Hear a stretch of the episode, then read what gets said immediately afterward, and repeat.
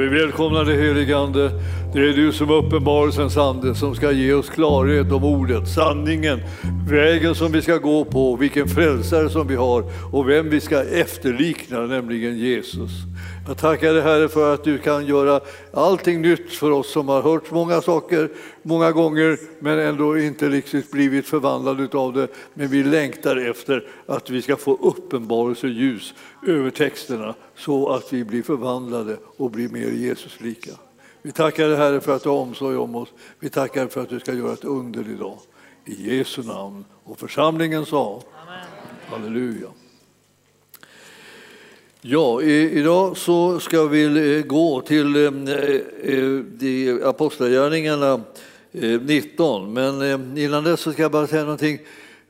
När det gäller så att säga, böcker och sådär, när man förkovrar sig eller lär sig saker och ting utöver det att man går i gudstjänster och, och läser sin vanliga bibelläsning och sådär så är, behöver man ju hjälp till det här. Och för, för er som har kommit eh, liksom nya in i församlingen har inte riktigt fått tag i det kanske ännu, men jag vill bara säga till er att eh, vi har en hjälp i en bok som heter eh, Ordet. Det är en, en, en, en, liten bibelvers och lite förklaring av den bibelversen på en sida för varje dag. Och eh, eh, den är väldigt bra och uppbygglig och den stärker en i den kristna tron så att man vet liksom på vem man tror och vad han förmår och vem man själv är. Alltså det här är, man är ju inte precis densamme utan man har blivit förvandlad när man har tagit emot Jesus. Och man behöver orientera sig i det nya livets villkor. Så att eh, eh jag rekommenderar varmt att skaffa den här eh, boken Ordet. Den är, den, eh, den är skriven av en dansk präst i väckelse. Och att vara präst och i väckelse det är dramatiskt kan jag tala om för er. Det har jag egen erfarenhet av. Det är liksom, man, man, man förstår inte riktigt vad som händer en. Man, vet inte, liksom, man fattar inte varför folk blir så upprörda över en och, och sådär. Men man tycker att det härligaste, mest fantastiska just håller på att hända i ens liv. Och så, liksom blir, så blir folk flammiga och kommer fram och talar med en så här medan de ser alldeles upp, upphetsade ut liksom över, över att eh, de tycker att det här som vi har funnit, det är liksom någonting som är skadligt. Men när, medan i själva verket var det mest nyttiga som kunde tänkas. Att man fick möta Jesus på ett sådant sätt att den, man blev beklädd med en helig andes kraft och, och livet blev helt annorlunda.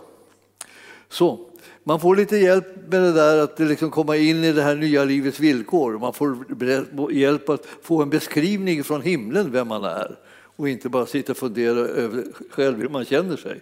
Det, det kanske inte alltid är så uppbyggligt. Men om man lyssnar på vem man har blivit gjord till genom Jesu gärning så är det en fantastisk glädje och kraft som kommer. Det var den ena. Den ena boken. Och sen är det ju så att det finns en bok till för er som liksom är, vågar på att fördjupa er lite grann i kyrkoväckelsehistoria och eh, förstå vad det är för krafter som är i rörelse bland liksom i alla samfund och, och i, det, i det andliga just nu över hela världen. Och det är en bok som är skriven liksom utav, av en, en man som jag aldrig trodde att jag skulle läsa en bok av. Det vill säga, jag visste inte att han fanns med. Jag kände till hans pappa. Och hans pappa och jag hade inte de, de, liksom, vad ska jag säga, de trevligaste möten.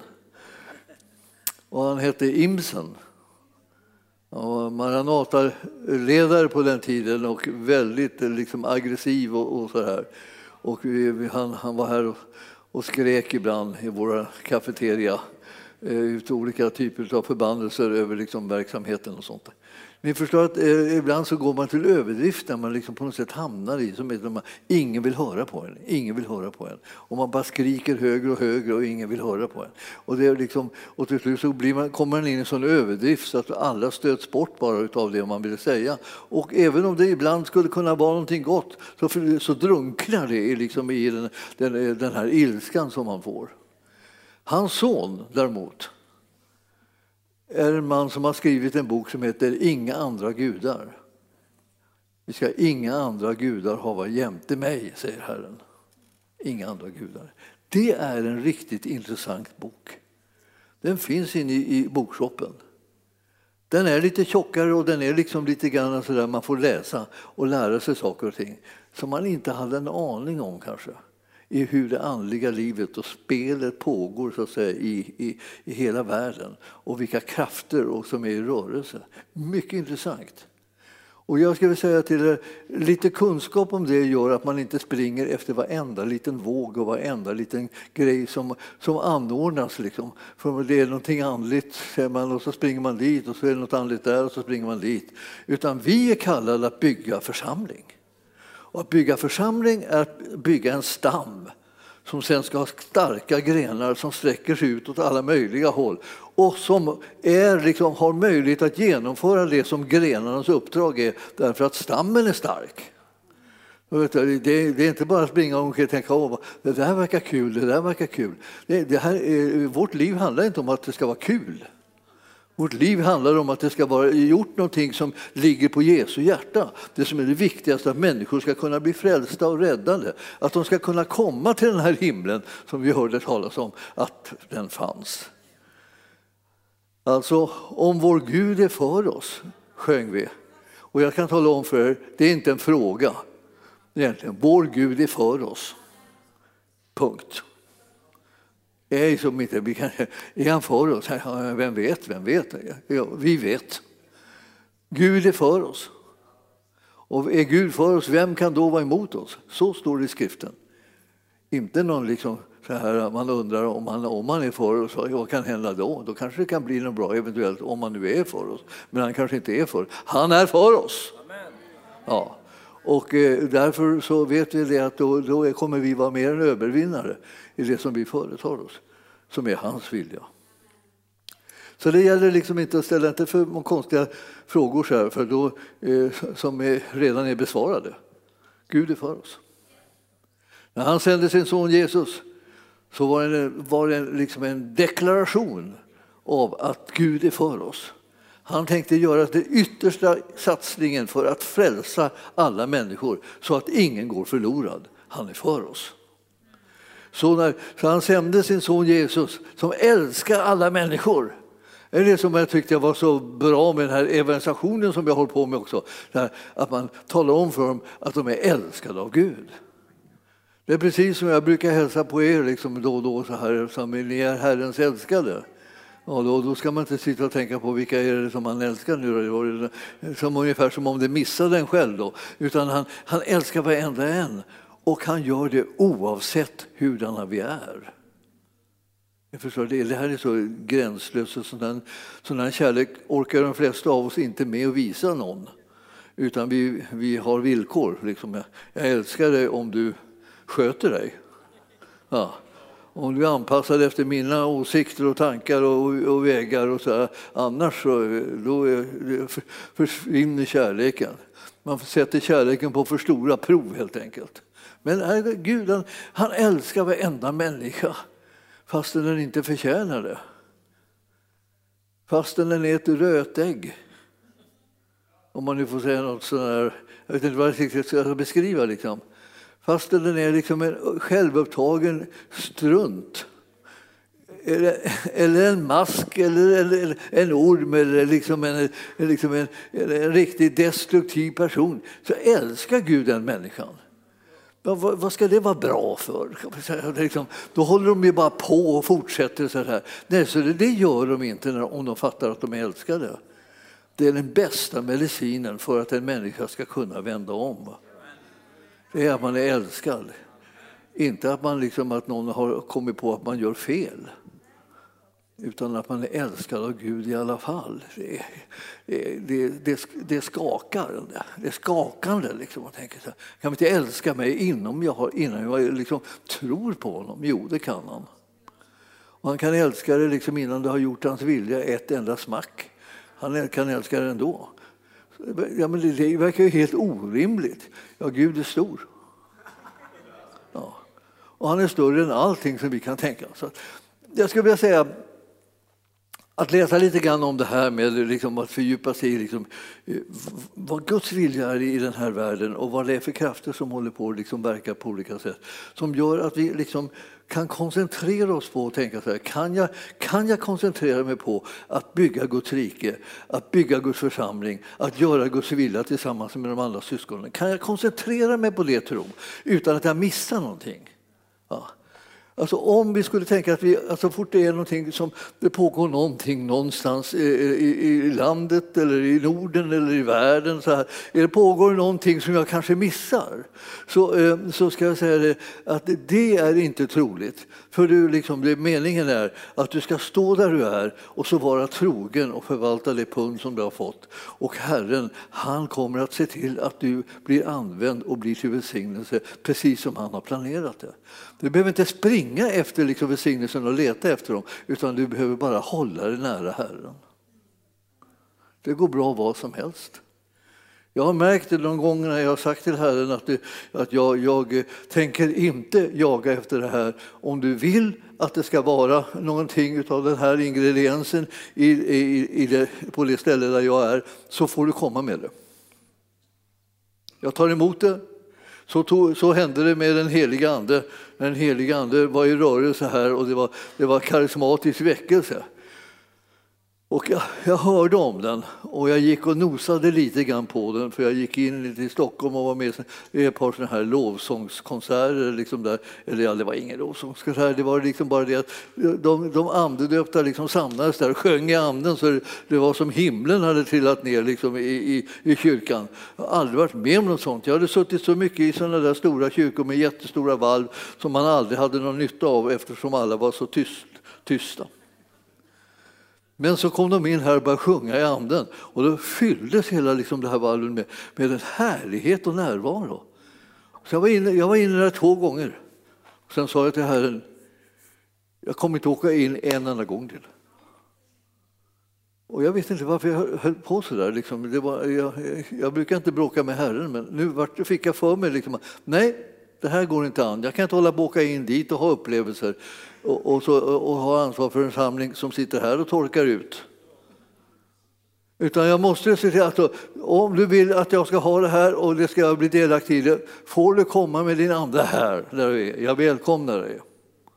Men jag åker inte den grejen och jagar den.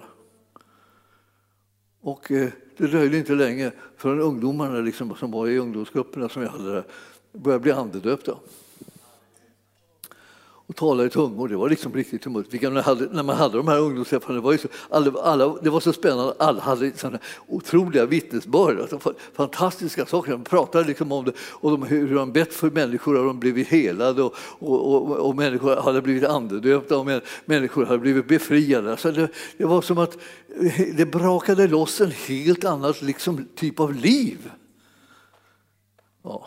Och jag vill säga det att det, eh, vi ska alltid hungra och törsta efter det som Herren har. Och han har det där du är och det kommer dit där du är om du hungrar efter honom precis där du är. Om du springer som ett torrt skinn runt omkring så är chansen att du liksom missar alltihopa, du blir bara utsliten. Men om du, om du håller dig nära Herren, var helst du står någonstans, så kommer du kunna få en möjlighet att ta emot det underbara som Herren ger alldeles gratis till vem som helst som tror. Och det här är liksom viktigt att, att, så, att veta så att det är på det viset. Men sen behöver man också tänka så här att det, det är viktigt att, liksom, att veta lite grann om vad man ska akta sig för. Man ska akta sig för liksom, för mycket ytlighet. Man ska, man ska satsa på att komma djupare in i gemenskap med Herren, inte på ytan. Man ska inte heller leka kristendom. Utan vi ska göra det på allvar. För det behoven och situationerna som människor har, de är på allvar. Det är jättemånga människor som, är, som inte vet sig någon riktig råd. De vet inte hur de ska ta sig till. Alltså det är, vanmakten alltså är, är jättestor. Fruktan är stor bland folk. Och, det, och man fruktar inte bara liksom någon slags, eh, eh, att man ska bli sjuk eller, eller, det ska hända, eller bli påkörd eller det ska hända någon olycka eller ska man bli rånad eller, eller, eller någon ska slå ihjäl en någonstans. Utan man fruktar bara för människor som finns runt omkring, vad de ska tänka om en. Man fruktar deras tankar och deras åsikter. Och det, Herren är den som säger att vi har blivit kallade till att leva ett liv utan fruktan. Och det kan man bara leva om man håller sig nära Herren, så kan, hittar man livet som är utan fruktan. Och vi behöver veta vad det livet är så att vi inte springer någonstans där, där vi inte ska vara. Det här, Herren har en förmåga liksom att liksom göra, göra en trogen på platsen. Alltså. Jag, och jag har alltid haft en, liksom, haft, personligt liksom haft en till, liksom, tycker att det var tilltalande att vara trogen på platsen.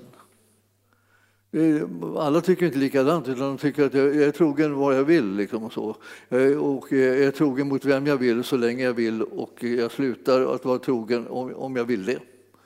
Vad trevligt, tycker omgivningen då, då, som jag aldrig vet om den personen ska vara trogen mot en längre än en, en minut eller, eller fem eller ett par dagar. Man tänker, hur ska jag kunna lita på den? Hur ska jag, kunna, hur ska jag känna, kunna känna mig avslappnad och trygg tillsammans med den om den inte klarar av någonting som heter trohet? Måste ju, hur ska man orka liksom, leva om folk inte är trogna? Och relationen med Herren är liksom en, liksom en slags eh, början och grundförutsättning. Då får man, möter man någon som är trogen.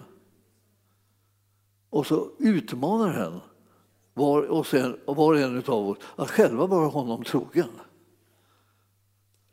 Och trogen inte döden så ska jag ge dig livets krona. Så står det. Ja, det är liksom en trohet som, är, som, som gör att vi inte förlorar livet utan vinner det.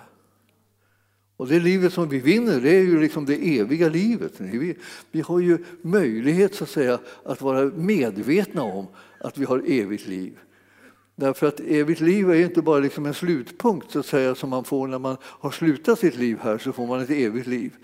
Eh, man får ett annorlunda liv som kommer sen då, där inte det finns synd och död och djävul och, och sånt här.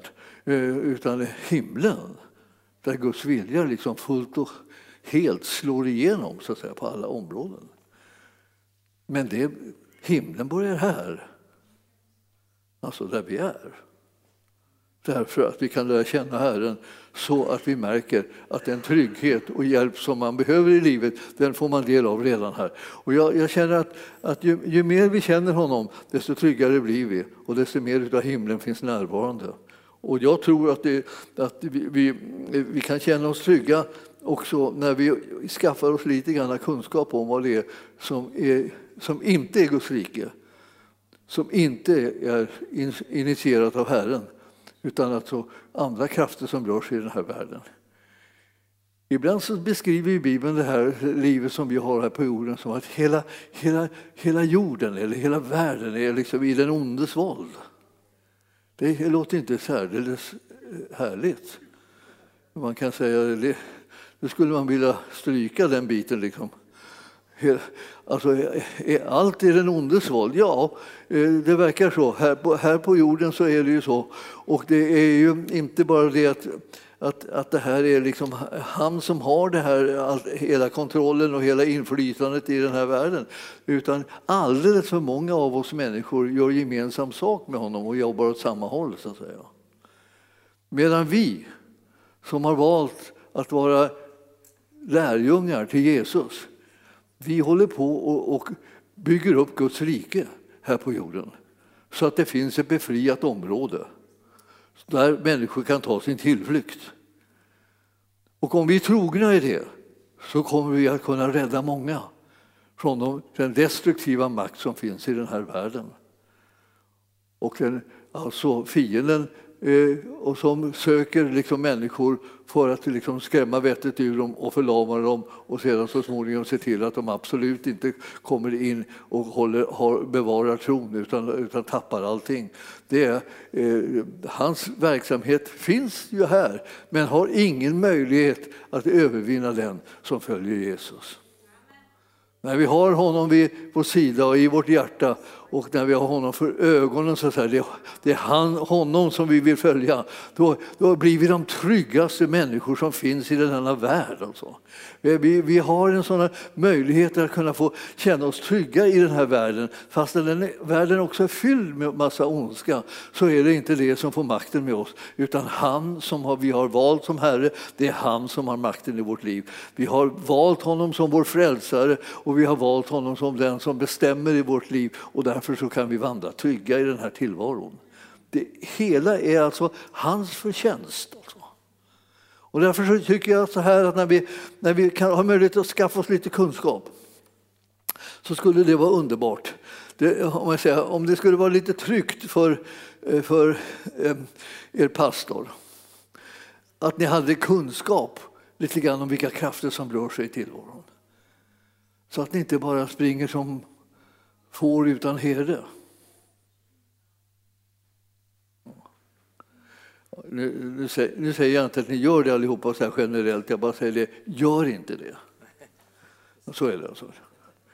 Eh, det är inte någon kritik, men jag vill säga det skulle kännas tryggt om jag visste att ni visste någonting om det som är i rörelse i tiden. Och den här boken, och att du ska inte ha några andra gudar, hjälper till och ger klarhet på den punkten. Naturligtvis är den liksom kanske inriktad på ledarskap, så här, men, men jag skulle vilja säga att den är inriktad på varenda troende att skaffa sig sån kunskap. Att den inte vacklar, att den inte blir bedragen utan att den kan stå stadigt även när det blåser. Det där är det ena då, att man vet vad liksom fienden håller på med. Men alltså, den viktigaste saken är att veta vad Jesus gör och vill. Så att man känner igen hans spår. Och jag har alltid beundrat liksom det där med, med, med att kunna känna igen Herrens spår. Ja, alltid ska jag inte säga. Jag hade ju tider då jag var irriterad på folk som alltid liksom skulle säga att det här var typiskt Gud. När det hände saker och ting. Det hände någonting bra, något välsignat. Åh, det är Gud, det är Gud, var det vissa som sa. Och jag, jag, för mig så lät det som, alltså, som bara liksom överdrifter. Eh, ända tills jag själv började förstå att man kunde se Herrens spår. Det visste jag inte mycket om när jag var tonåring. Liksom. Då tyckte jag bara det var bara liksom, liksom ett talesätt. Och det här var Gud. Åh, nu gjorde Gud det här och nu gjorde Gud det där. Jag såg ingenting av det. Jag såg att det råkade bli så där. Så det var ju kul och bra. Men jag tänkte att det var bara en tillfällighet. Så där man gick omkring och bedömde det på det sättet. Tills man fick liksom lite andlig pejling på det som skedde i livet. Och så började man känna igen spår av Gud det uppmuntrar en ganska mycket att kunna se Herrens spår.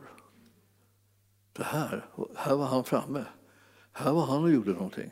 Här rörde han vid ditt liv, här rörde han vid medmänniskornas liv. Här förändrade han situationen och omständigheterna. Här gav han en lösning. Här fick jag, här fick jag bönesvar på det som jag hade bett. Jag känner igen det. Alltså, det här var Herren. Och det är sant att det var Herren. Men jag frågar inte den som inte tror om det var Herren, för den vet inte vem det var. Den tror inte att det var något annat, det är bara liksom tillfälligheternas spel. Den liksom går omkring i livet och hoppsan, hoppsan, hoppsan, händer olika saker. Så. Men, men den som lär känna Herren kommer liksom att se att man kan vandra tillsammans med honom. Och bönesvar är inget hoppsan, utan det är det tryggaste och vissaste som finns när Herren har utlovat det svaret. Så därför så känner jag liksom kunskap, både om vad fienden gör, men kunskap om vad Herren gör och, och var han går fram och kännedom om hans spår så att du inte behöver vara nervös när, när du vandrar i det här livet. Ja, eh, det var ett par böcker det. Vem vet, det kanske kommer att vara öppet i bok, bokkroppen också. Annars får vi väl öppna bara. Ni förstår att eh, eh, vi ska ta och läsa lite grann om, en sån här, om kristna eh, som visste något men inte andra saker. Bara. Det är nästan så som det är för alla förstås. Att man vet vissa grejer men andra saker vet man inte. Man vet inte mycket om dem, eller man kan veta väldigt lite om en vissa grejer fastän de är viktiga i det kristna livet. Och här ska vi läsa om hur det var när, när Paulus eh, liksom kom till Efesus och, eh, och där de eh, mötte folk som, som, eh, som var så att säga kristna eller troende. Då.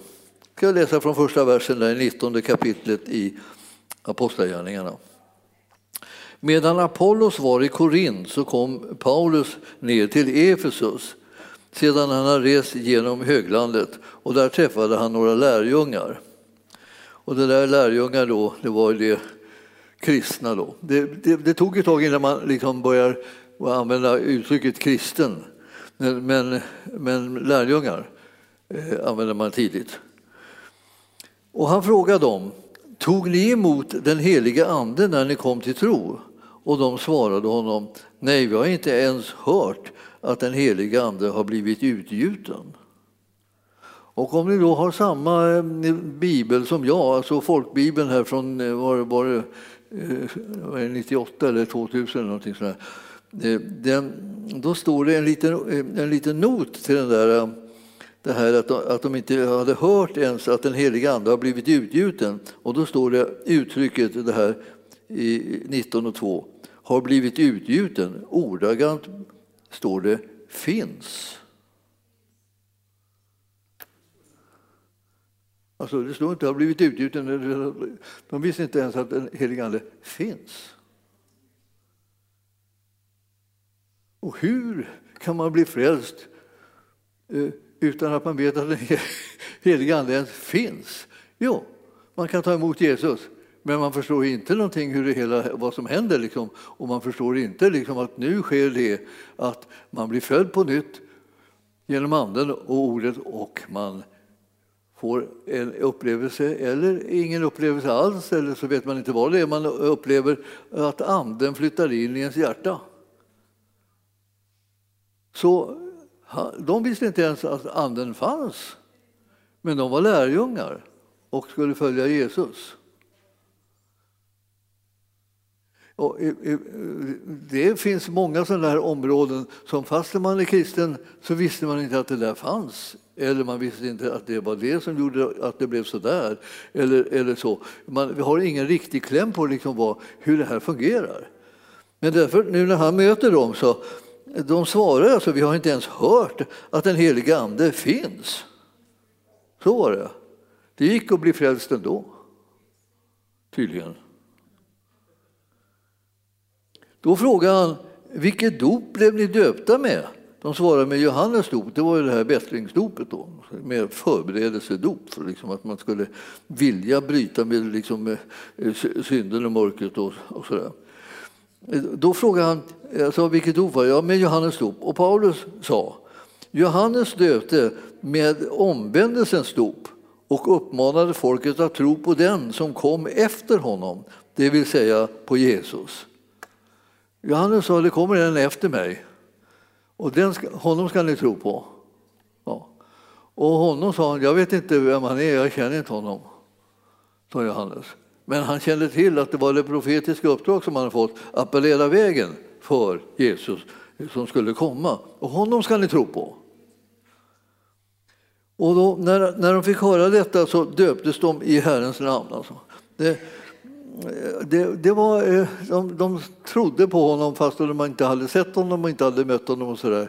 Det är ungefär som eh, eh, vi alla kan ha kommit in den vägen. Vi hör om honom, vi tror på honom, vi tar emot honom i vårt hjärta eh, utan att veta något närmare detaljer om honom. Alltså, eh, och eh, vi tar emot honom som vår Herre och vår Frälsare. Om du med din mun bekänner Jesus vara Herre och ditt hjärta tror att Gud har uppväckt honom från döda, då blir du frälst. Så det är ju egentligen väldigt lite som man vet vad då man blir frälst på det sättet, men man vet och man blir frälst. Och sen lär man känna honom. Och sen står det i femte versen, femte versen där att eh, när de fick höra detta så döptes de i Herren Jesu namn. Och sjätte då, och när eh, Paulus la händerna på dem kom den heliga ande över dem och de talade i tungor och profeterade. Och vad hade de fått för information om det innan? Ingen. Det verkar som att han, han, eh, han döpte dem i vatten och sen så eh, eh, var det så att sen la han händerna på dem när han talat om att, att det här med den heliga ande hade, eh, hade, hade kommit också. Och då han händerna på dem och då började de tala i tungor och profetera. Det känns ju väldigt... Alltså, man, man får ju, man, ibland så hoppas man att det här bara är den kortfattade versionen. Att, liksom, att, det, att de hade en chans att få lite mer information egentligen. Alltså, än det här. Men så här var det då. Så låter det här då. Att de fick höra det här så eh, döptes de i Herren Jesu namn. Och när Paulus lade händerna på dem så kom den heliga Ande över dem och, de talade i tungor och profeterade. Så den heliga Ande kom på det där sättet, det andra sättet som den heliga Ande kommer på. Den första är att han flyttar in i samband med frälsningen in i vårt hjärta. Den andra är att han kommer över oss och beklär oss med kraft ifrån höjden för att vi ska kunna göra hans gärningar och leva hans liv i den här världen.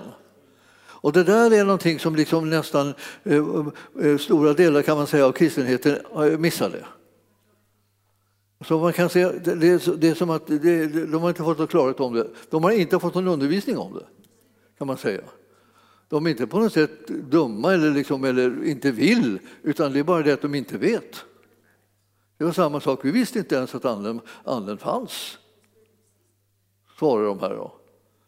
Han fick höra av, började prata om anden, visste inte att han fanns. Nej. Och här, här, vet man inte heller liksom att Anden kan komma över dem på det här sättet och rusta dem för att tjäna Herren. Och ändå kan man säga, så var det ju många som visste, som hade varit med på pingstdagen som, och, och tiden innan då Herren hade sagt till er, ni får nu inte göra någonting innan ni blir beklädda med kraft ifrån höjden. Det är ingen idé att ni bara, bara springer ut och är duktiga. Utan, utan här är det frågan om att vara smord med den helige Andes kraft och kunna tjäna honom i det övernaturliga. Det, vi måste invänta pingsten kan vi säga. Vi förstod att det var pingsten, men de visste inte att det fanns någon pingst eller så. Eh, och det fanns ju inte det heller ännu. Så att de, de bara väntade på den här kraften. Den, när den kraften kom över dem, då hade de utrustning för att kunna göra Herrens vilja. Alltså. Och jag vill säga till er att den utrustningen har ju de flesta av oss nu. Att kraften att göra Herrens vilja. Eh, och eh, hur går det? Jag vill säga. Eh, tar ni vara på den? Använder er av den kraften? Tror ni på det som har hänt med er? Så att ni liksom gör det här övernaturliga, det här fantastiska. Liksom. Att, alltså, att förvandla liksom livssituationer, både er egen och andras. Herren håller på och hjälper oss liksom att väcka oss till en slags medvetenhet om vad som har hänt med oss så att vi kan leva ett annat liv. Så att vi inte lever ett litet försiktigt liv bara och smyger omkring i tillvaron och liksom helst inte vill att någon märker oss. Men det är inte det som var uppdraget. Man kan inte heller lära det av Jesus, att han smög omkring på något sätt. Utan han, han syntes liksom säga, överallt och, och jämt.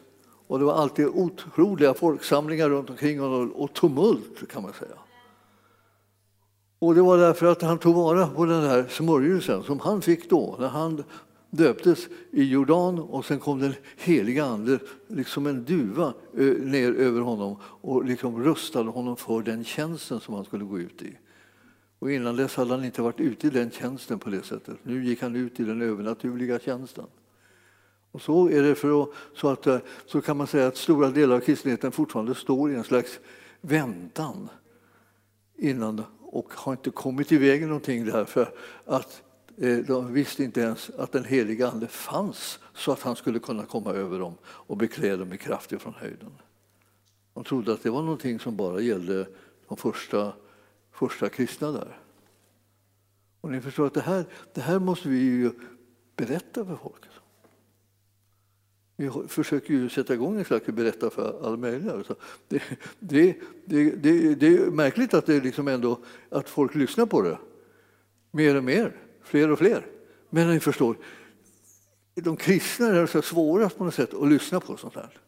För de har redan liksom satt, kommit in i ett fack där de lever liksom med olika begränsningar i läror och, och så för att de inte vill höra mera. Men det man alltid ska höra på det man alltid ska anpassa sig efter, det är vad det står skrivet. Det här är väckelsens räddningsuttryck. Alltså. Var står det skrivet? Det, det tycker jag var, var bland det bästa som de kunde fråga när, när, när det hände liksom att de här eh, väckelsepredikanterna eller, eller vittnena som kom ut för att tala om vad de hade varit med om, hur de hade mött Jesus och vad han hade gjort. Då frågar folk var står det skrivet? Och så gick man till sina biblar och så letade man efter det. Och så, om man hittade det där och läste runt omkring och såg att det handlade om det som de sa och att man, det berörde en person som man själv, så, så kunde man ta emot det. I annat fall så la, la man det åt sidan och väntade tills man fick klarhet över det. Jag kan säga att det är ett väldigt hälsosamt sätt att handskas med de här sakerna. Är liksom på det viset. Man undersöker i skrifterna. Om ni kommer ihåg att, att eh, Paulus han, vid, vid tillfället han åkte han över från mindre Asien och så åkte han över till, till, eh, till, till, till Grekland. Då, då. Och, och, och, där så, så var det, vi ska se, jag tror att det var Berea som han kom till, det var en, en liten plats. Och så predikade han där. Och, och sen när han hade predikat, sen rannsakade de skrifterna, som det står. Och när de fick klart för sig att det var så som Paulus hade sagt så tog de emot Jesus som sin frälsare. Alltså det var, det var, de var, blev som ett exempel. Det är till och med så att man har liksom haft, man har börjat kalla sina bibelstudier för Berea-samlingar. Liksom.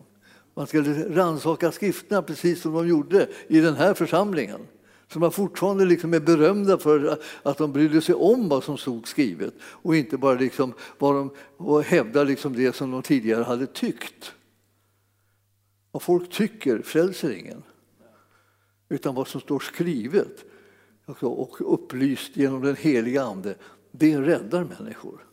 Och det, därför så behöver, behöver du och jag tillhöra den gruppen som undersöker saken. Och kunskap därmed är viktig alltså.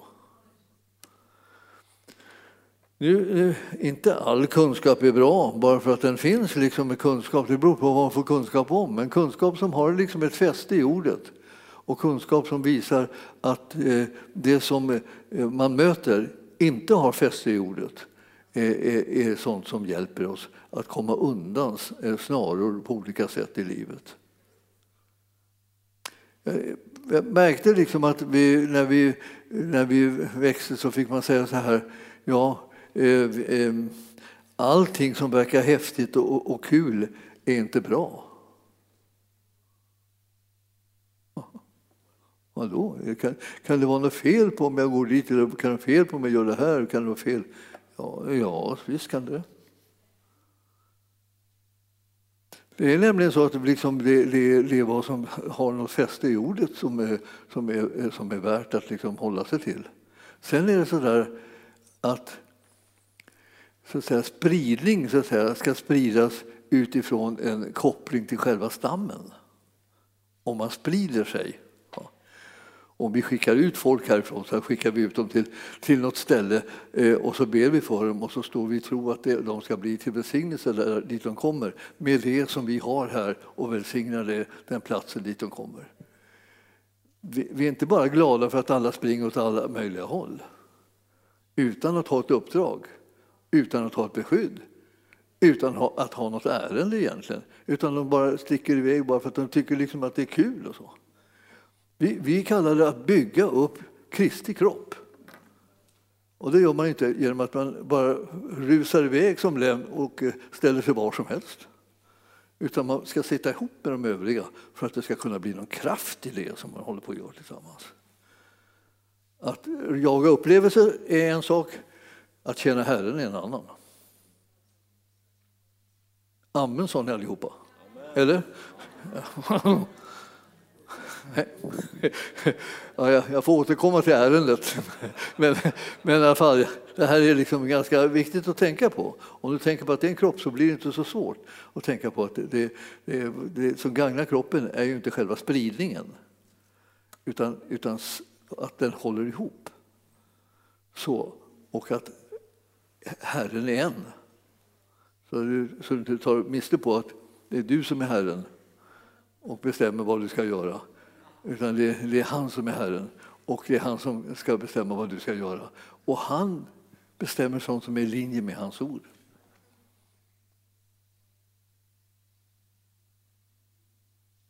Ja. Jag bara nickar för att ni förstår hur ni ska göra. en ledning, ledning här. Ja. Nu ska ni se. Det här, det här, var, det här, var, det här var intressant. Va, liksom. Och då kan man säga att ibland så tror man ju i, i vissa församlingar att själva dopet är själva fräls, är frälsande. Eh, dopet är inte frälsande. Utan det är tron som är frälsande. Och om ni då går med mig till, eh, till eh, eh, Jakob, eller nej, jag säger Jakob, jag tänkte fel, Markus menar jag. Markus 16, så står det där som en sån väldigt, väldigt bra vers som hjälper varenda kotte att komma på att det är tron som, eh, som frälser. Och det är eh, 16 och 16. Den som tror och blir döpt ska bli frälst. Ja, då vet man ju inte riktigt vad det är som är eh, liksom det, det frälsande. Det verkar vara tro eller, eller, eller eh, dop, eller just båda delarna. Men den som inte tror ska bli fördömd. Så tar man bort ingrediensen tro så blir man fördömd och inte frälst. Så ni förstår, då blir nämligen bara dopet i vatten kvar. Och det frälser inte. Kan ni se det i era egna biblar? Ja. Men titta i sina biblar. Jag säger det, jag säger det igen. Alltså, alltså, ibland så tänker jag så här, när vi kommer in i trosrörelsen, liksom, i begynnelsen av, av den, va? Och då satt varenda kotte med sina biblar utan tvekan. Liksom. Men sen börjar det bli gläsa av lite grann och sen tycker man det räcker att, att pastorn läser liksom, just, så lyssnar jag. Det räcker inte. Det är du som tittar efter och kollar upp mig om jag talar sanning. Jag önskar att ni ska kolla om jag talar sanning. Jag önskar inte att ni bara ska svälja allt utan någon kontroll. För vem vet, jag kanske inte är pålitlig idag eller imorgon eller vad som helst. Men han i ordet är alltid pålitlig. Så därför sök och kolla. Så här, nu ska jag läsa det igen då, då för att liksom distansera mig ur det här. Då, då. Så, den som tror och blir döpt ska bli frälst. Men den som inte tror ska bli fördömd. Så nu märker ni att tron var själva huvudsaken här huvudsakliga ingrediensen för att kunna bli frälst, för att ta emot frälsning. Vad, vad söker han då efter oss när han har frälst oss? Han söker att vi tror på det. Tror på det som han har gjort, tro på att det han gjorde var en tillräckligt frälsande gärning och att den var givet till oss alldeles gratis. Så det här, det här är sånt där som man, man tänker, måste man läsa så där noga då kommer man ju aldrig någonstans. Det kan jag liksom inte förneka. Det är svårt att komma någonstans om man ska läsa noga. Men å andra sidan, om man inte läser noga eh, så går det åt skogen. Så, ni förstår. Eh, då väljer vi kort och gott att eh, läsa noga så, så att vi åtminstone har liksom någon, någon sak som är, som är stabil. Och när de då, vi ska säga, han, han, ehm, vi går tillbaka till den, det 19 kapitlet i Apostlagärningarna. Där då. Ehm, eh, och de hade, e- efter det att Paulus hade lagt händerna på dem eh, så kom den helige ande över dem och de talade i tungor och profeterade.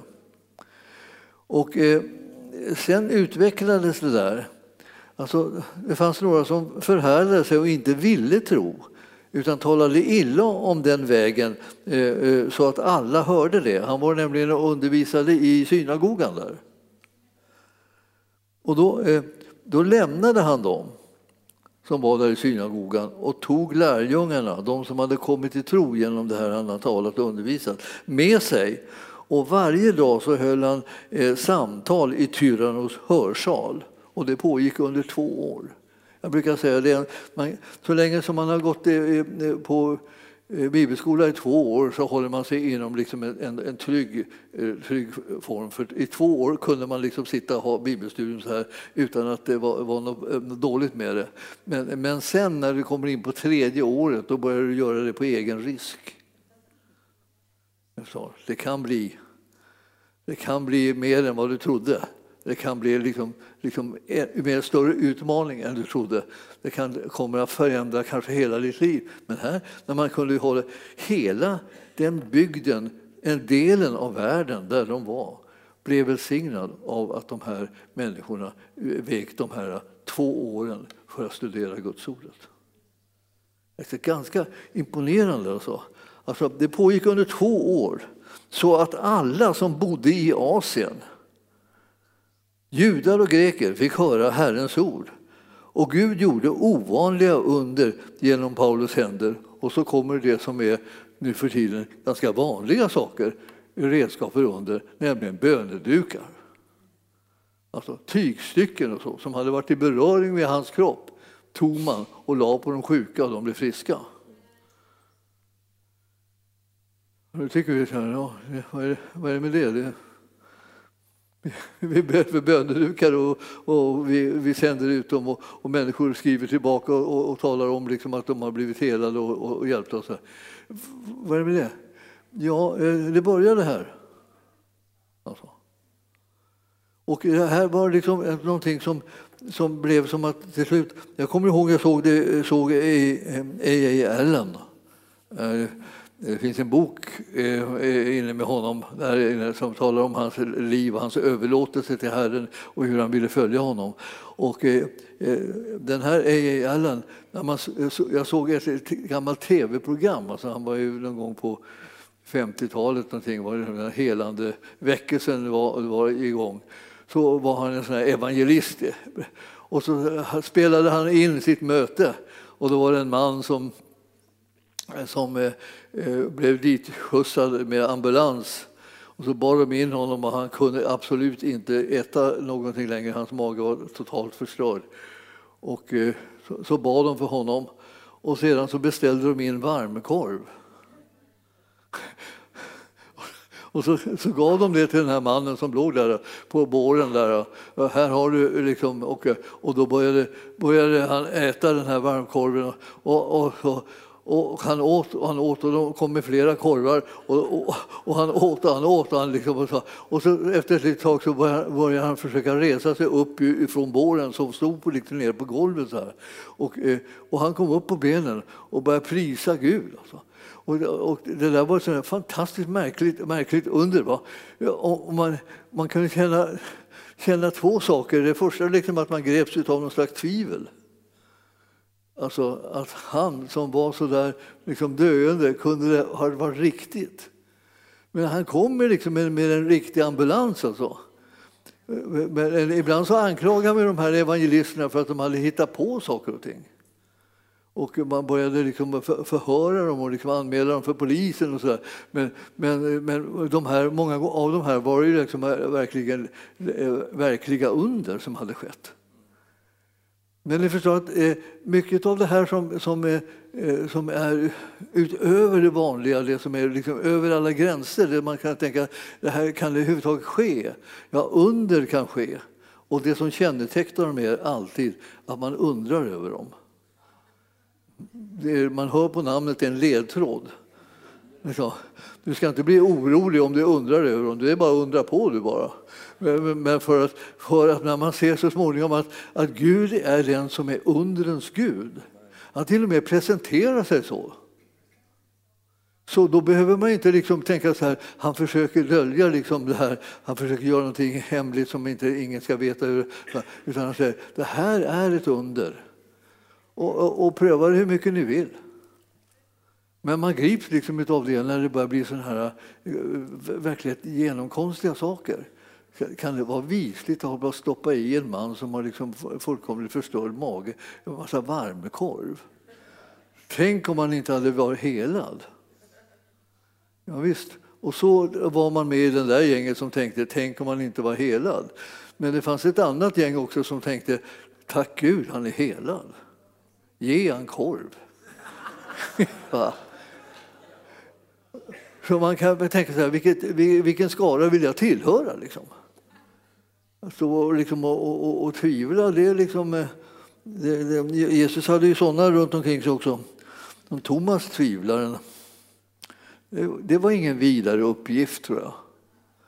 Hur skulle han kunna komma undan det eh, omdömet sen så småningom när han ska gå ut som apostel? Hej, vem är du? Jag är aposteln av Jesu apostlar. Vilken då? Thomas. Och då säger han, menar ni tvivlaren? Vad ska vi ha för nytta av dig? Liksom så här. Jag måste ha fått ett annat rykte, var liksom att man har vågat tro på det som är övernaturligt för att kunna få vittnat om att det, att det här var sanning. Ja, alltså, mm, det är ju liksom sånt där som får en, när man märker att det är sanning, som får en in på banan kan vi säga. Den banan, det övernaturliga. Det är ju det att man har märkt att det som verkade helt ofattbart var sant. Och eh, eh, så kan man se nästan hos alla de här eh, stora helande evangelisterna i gamla tider att de hade varit med om någonting personligen som liksom skakat om deras liv. De hade, de hade såna dödliga sjukdomar och jättestora svårigheter av olika slag. Och sedan så kom Herren och gjorde ett under i deras liv. Alltså, de kunde inte liksom hålla det för sig själv. Och så började de, började de söka Herren för att se hur, vad han ville med det och hur han skulle rust, kunna rusta dem så att de kunde bli sådana redskap som de själva hade fått möta. Så det här är, det här är, liksom, det här är så fantastiskt liksom att, det, att det, det, kan gå till på det här viset. Alltså. Och det här med att eh, när vi har sådana här grundläggande saker som, som tro och dop och så och när vi har sånt där som handlar om liksom att, att läsa ordet eller skaffa sig kunskap så att man liksom inte alldeles alldeles liksom ovetande om allting utan man vet att liksom vad Herren håller på att göra på olika sätt och man vet också vad fienden håller på med. Man är inte okunnig om hans gärningar. Man ska kunna genomskåda så att, eh, så att man kan stå honom emot och han blir tvungen att fly bort ifrån den. Man ska känna till utrustningen som Gud har gett oss. För vi ska inte bara stå där och tänka att ska vi råka ut för det ena och vi ska råka ut för det andra och hjälp och varför det är så här, varför, bara, varför händer det här mig, varför händer det här mig? Är det många som säger. Jag skulle säga det, liksom, det, det som har hänt dig är att du har fått möta Jesus och han är mäktig nog att kunna ge dig den kraft som gör att du kan driva fienden på flykten. Så om du tar reda på det så kommer du liksom leva ett annan typ av liv än det som du lever då du bara går omkring och tänker att det är bara allting, bara allt elände kommer bara över mig. Det gör det inte alls. All kraft kommer över dig om du tittar efter så kommer du märka att det finns liksom en, liksom en övernaturlig källa att ösa ur som, som omintetgör djävulens gärningar. Och jag önskar liksom att vi allihopa kunde få liksom ännu mer tag i det, för det skulle kunna göra att vi får se att det, vårt liv bär en mycket härligare frukt. In i alla möten med människor också, så får vi se det här mer och mer. Alltså. Det här är... Ja, ja, ja, just det, jag ska sluta. Jag, någon hade påpekat att jag pratade väldigt länge förra gången jag predikade. Jag märkte inte det själv, jag tyckte det var så jättebra jag känner mig så, jag mig så i gasen när jag predikar så jag tänker bara, jag märkte ingenting. Jag vet att det är alla predikanters dilemma. De tycker när, när småhusen kommer så tänker de det finns väl ingen som skulle önska att man skulle sluta. Men man, man misstar sig ibland. Det finns alltid någon som lider. Helige Ande, välkommen att tala till oss, att verka bland oss. Vi vill vara med och se och bli delaktiga av under och tecken. Och vi vill vara med och se att det sker någonting för varje människa som tror på det som du har vunnit på Golgata kors, Jesus. Vi vill tacka dig för din seger. Det är så underbart att veta att du har vunnit en fullkomlig seger och att fienden inte längre har något som helst grepp om dig eftersom du har uppstått ifrån de döda. Och inte bara för egen del blivit en segerherre utan också för vår del har blivit en som rättfärdiggör oss så att vi är omöjliga att hejda i den här världen. Vi är här för att göra din vilja och bana väg för ditt rike och vi vill bara proklamera att det är du som har vunnit segern och det är ditt rike som har all makt här på jorden så som du har makt i himlen också på jorden. Vi prisar dig för det Herre och vi bara säger att Jesus, du är vår Herre och frälsare. Ingen kan frälsa som han, ingen kan rädda som han, ingen kan förvandla människors liv som han. Därför vänder vi oss till honom och säger kom Herre Jesus och gör dina under bland oss. Fräls oss, befria oss, hela oss och, och förvandla vårt liv. Ge oss utvägar och lösningar av övernaturligt slag där ingenting verkar möjligt. Där kan du göra det möjligt och vi bara gör oss beroende av dina gärningar i Jesu namn och församlingen sa Halleluja. Amen.